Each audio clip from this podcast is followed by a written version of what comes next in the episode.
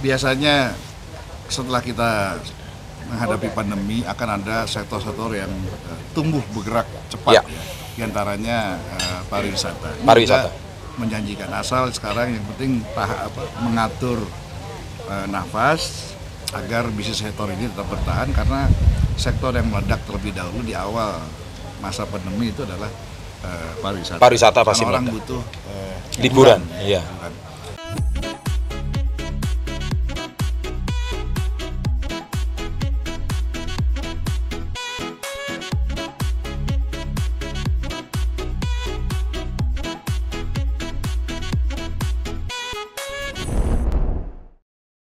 Nah guys, akhirnya lanjut kembali. Hari ini saya pakaian adat Bali karena kita berada di Bali. Dan malam ini kebetulan kembali ketemu sama Pak Bamsud sama Aji Krishna yang punya Bali. Yang satu yang punya Indonesia. Kalau saya cuma pakaiannya aja. Nah, eh, kita udah beberapa kali bikin konten sama Pak Bamsud. Rupanya yang paling diminati kita waktu tembak-tembakan. Oh. ya, asik. Dan semua komentar ngomong, kok ada ya ketua Om MPR gokil bener gitu. Kayaknya asik betul. Nah ini kita mau belajar ilmu kehidupan. Nah terus Ji kita hari ini kita dari Aji dulu. Kita udah seharian tadi sama Aji Krishna eh, melihat bagaimana beratnya pandemi ini. Tapi rupanya banyak pengusaha tumbang. Tapi Aji ini saya bilang kapal hampir karam tapi nggak jadi karam. Hmm. Dia bisa melewati krisis.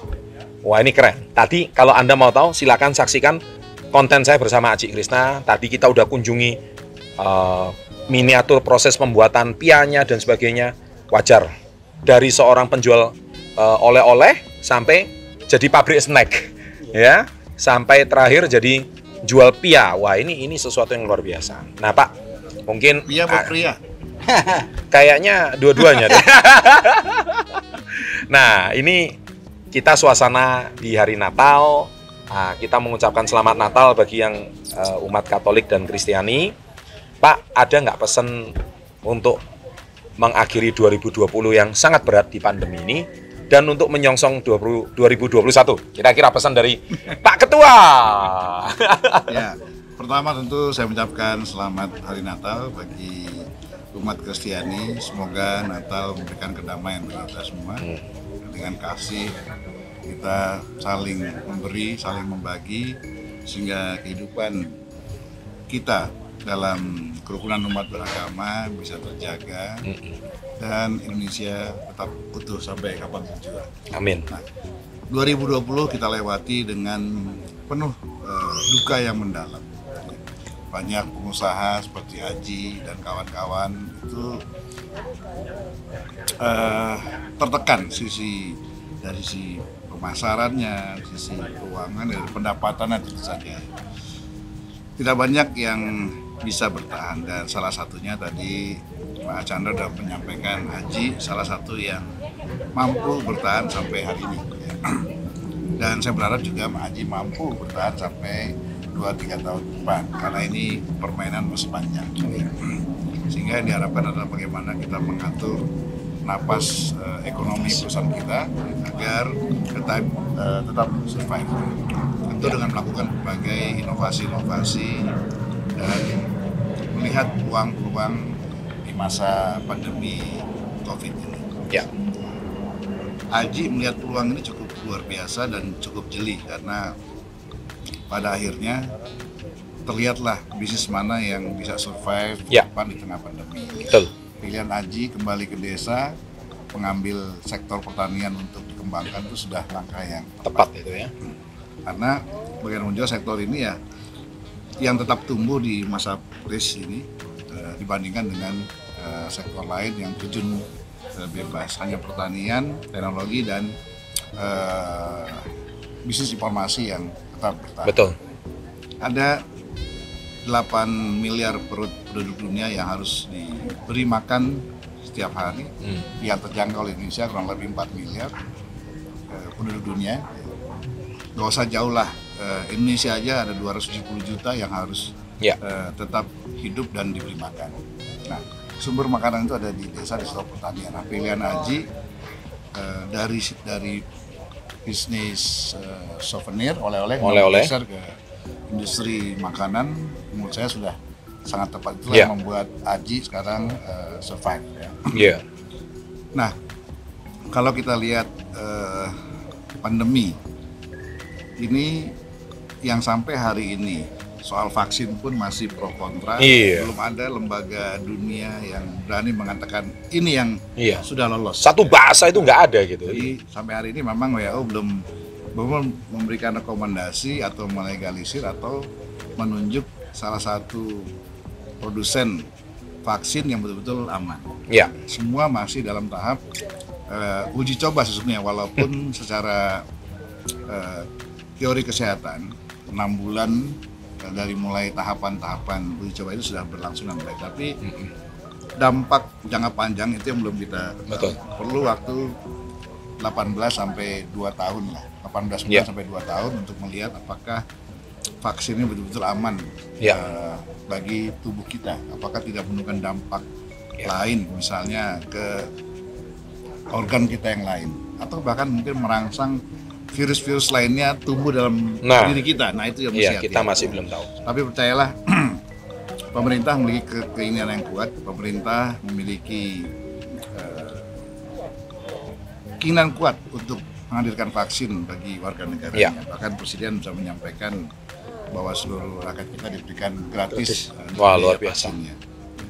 ya paling enggak eh, pemerintah merogoh kocek 60 sampai 80 triliun untuk bisa memberikan vaksin kepada 7% minimal rakyat Indonesia Hmm. yang tersebar di eh, 15 eh, ribu 17.500 pulau. Hmm. Nah, ini juga eh, persoalan teknis yang Tidak mudah ya. yang tidak mudah karena Betul. kita dipi- dipisahkan oleh banyak pulau Iya. sehingga pendistribusiannya memakan waktu yang cukup panjang. Mm, mm, mm. Belum lagi teknis membawa vaksin itu juga eh, memerlukan ketentuan tersendiri misalnya dalam suku suhu-suhu tertentu ya. Eh, 3 sampai 8 derajat. Ini juga bukan hal mudah. Itu untuk yang Covid eh vaksin yang buatan Sinovac Cina. Hmm, Sinovac. Yang buatan Inggris itu yang Pfizer itu memerlukan minus 70 derajat. Hmm. Pertanyaannya bawanya pakai apa? Nah iya. Ke pulau-pulau itu.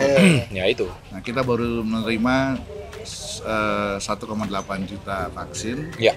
yang akan didistribusikan kurang lebih 1 sampai 1,1 sampai 1,2 juta vaksin Iya. di Pulau Jawa dan Bali terutama untuk eh, tenaga kesehatan. Jadi ini masih panjang. Jadi buat teman-teman pengusaha nahan-tahan diri, eh, jangan terlalu ekspansif.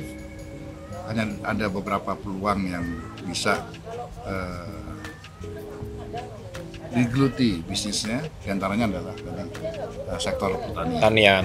Direct selling juga mungkin bisa kemarin ya. Itu aja pesan saya, tahan diri, eh, hati-hati dalam mengambil keputusan ekspansi eh, bisnis karena suasana ke depan masih belum menentu. Betul. Walaupun pemerintah telah berbuat sekuat tenaga untuk eh, menahan agar daya beli masyarakat tidak terus eh, turun eh, ke bawah. Iya. Setidaknya besar alokasi yang dari pemerintah alokasikan untuk penanggulangan COVID ini 600 triliun untuk untuk menahan laju daya beli. Ngeri.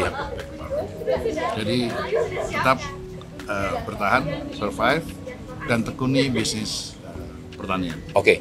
Ini yang yang menjadi pertanyaan di 2021. Segala sesuatunya memang masih abu-abu. Banyak orang semua berdoa agar pandemi segera berakhir. Tadi saya bilang sama Aji, itu seperti punuk merindukan hujan. Kita nggak pernah akan tahu kapan pandemi ini selesai. Tadi Pak Bamsud bilang, ini permainan masih panjang.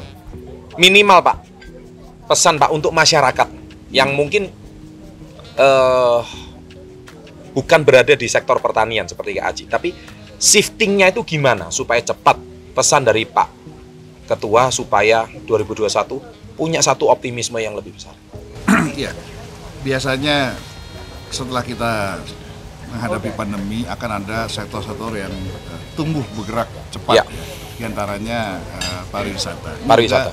menjanjikan asal sekarang yang penting tahap apa, mengatur eh, nafas agar bisnis sektor ini tetap bertahan karena sektor yang meledak terlebih dahulu di awal masa pandemi itu adalah eh, pariwisata. Pariwisata pasti Karena orang meledak. butuh eh, Liburan, iya. liburan. Ini Bali saja kalau tidak ada peraturan mendadak oleh pemerintah pusat bahwa eh, Swab antigen. dan antigen itu dua hari atau wajib Iya. itu itu sudah meledak. Ini booming ini Bali ini. Tapi kita pemerintah dan kita semua memikirkan urusan yang lebih panjang lagi. Betul. Kalau tetap dibuka, kemudian penyebaran yang makin mengkhawatirkan, Iya. maka kita akan dijauhi oleh negara-negara sedunia. Betul. Ya, itu lebih repot lagi, ekonomi kita makin Betul. ambruk. Betul, betul. Jadi sekali lagi eh, kita dukung keputusan pemerintah karena apa pun juga semua sudah diperhitungkan dan pemerintah menyiapkan langkah-langkah bagaimana ekonomi rakyat akan tetap bertahan. Misalnya tahun depan akan segera dorong lagi bantuan kepada pengusaha eh, kecil menengah ya, eh, 2,4 juta Ya. per UMKM Per UMKM. bagikan secara gratis. Lalu diskon bunga 3% dari 8 tinggal 5%. Oh, ya. Itu banyak langkah-langkah pemerintah. Ya. Kemudian rescheduling apa namanya? Restruktur. Ya, restruktur. Ya. Eh, kewajiban eh, kredit. Ya. Itu banyaklah langkah-langkah pemerintah. Semua pada akhirnya ditanggung oleh pemerintah. Iya, keren keren. Ini luar biasa ini ya. Baik, thank you guys. Saya rasa eh, kita cukup lega mendengarkan pesan dari Pak Ketua. Eh, semoga kita tetap harus menebar optimisme. Percuma Anda mengeluh, percuma.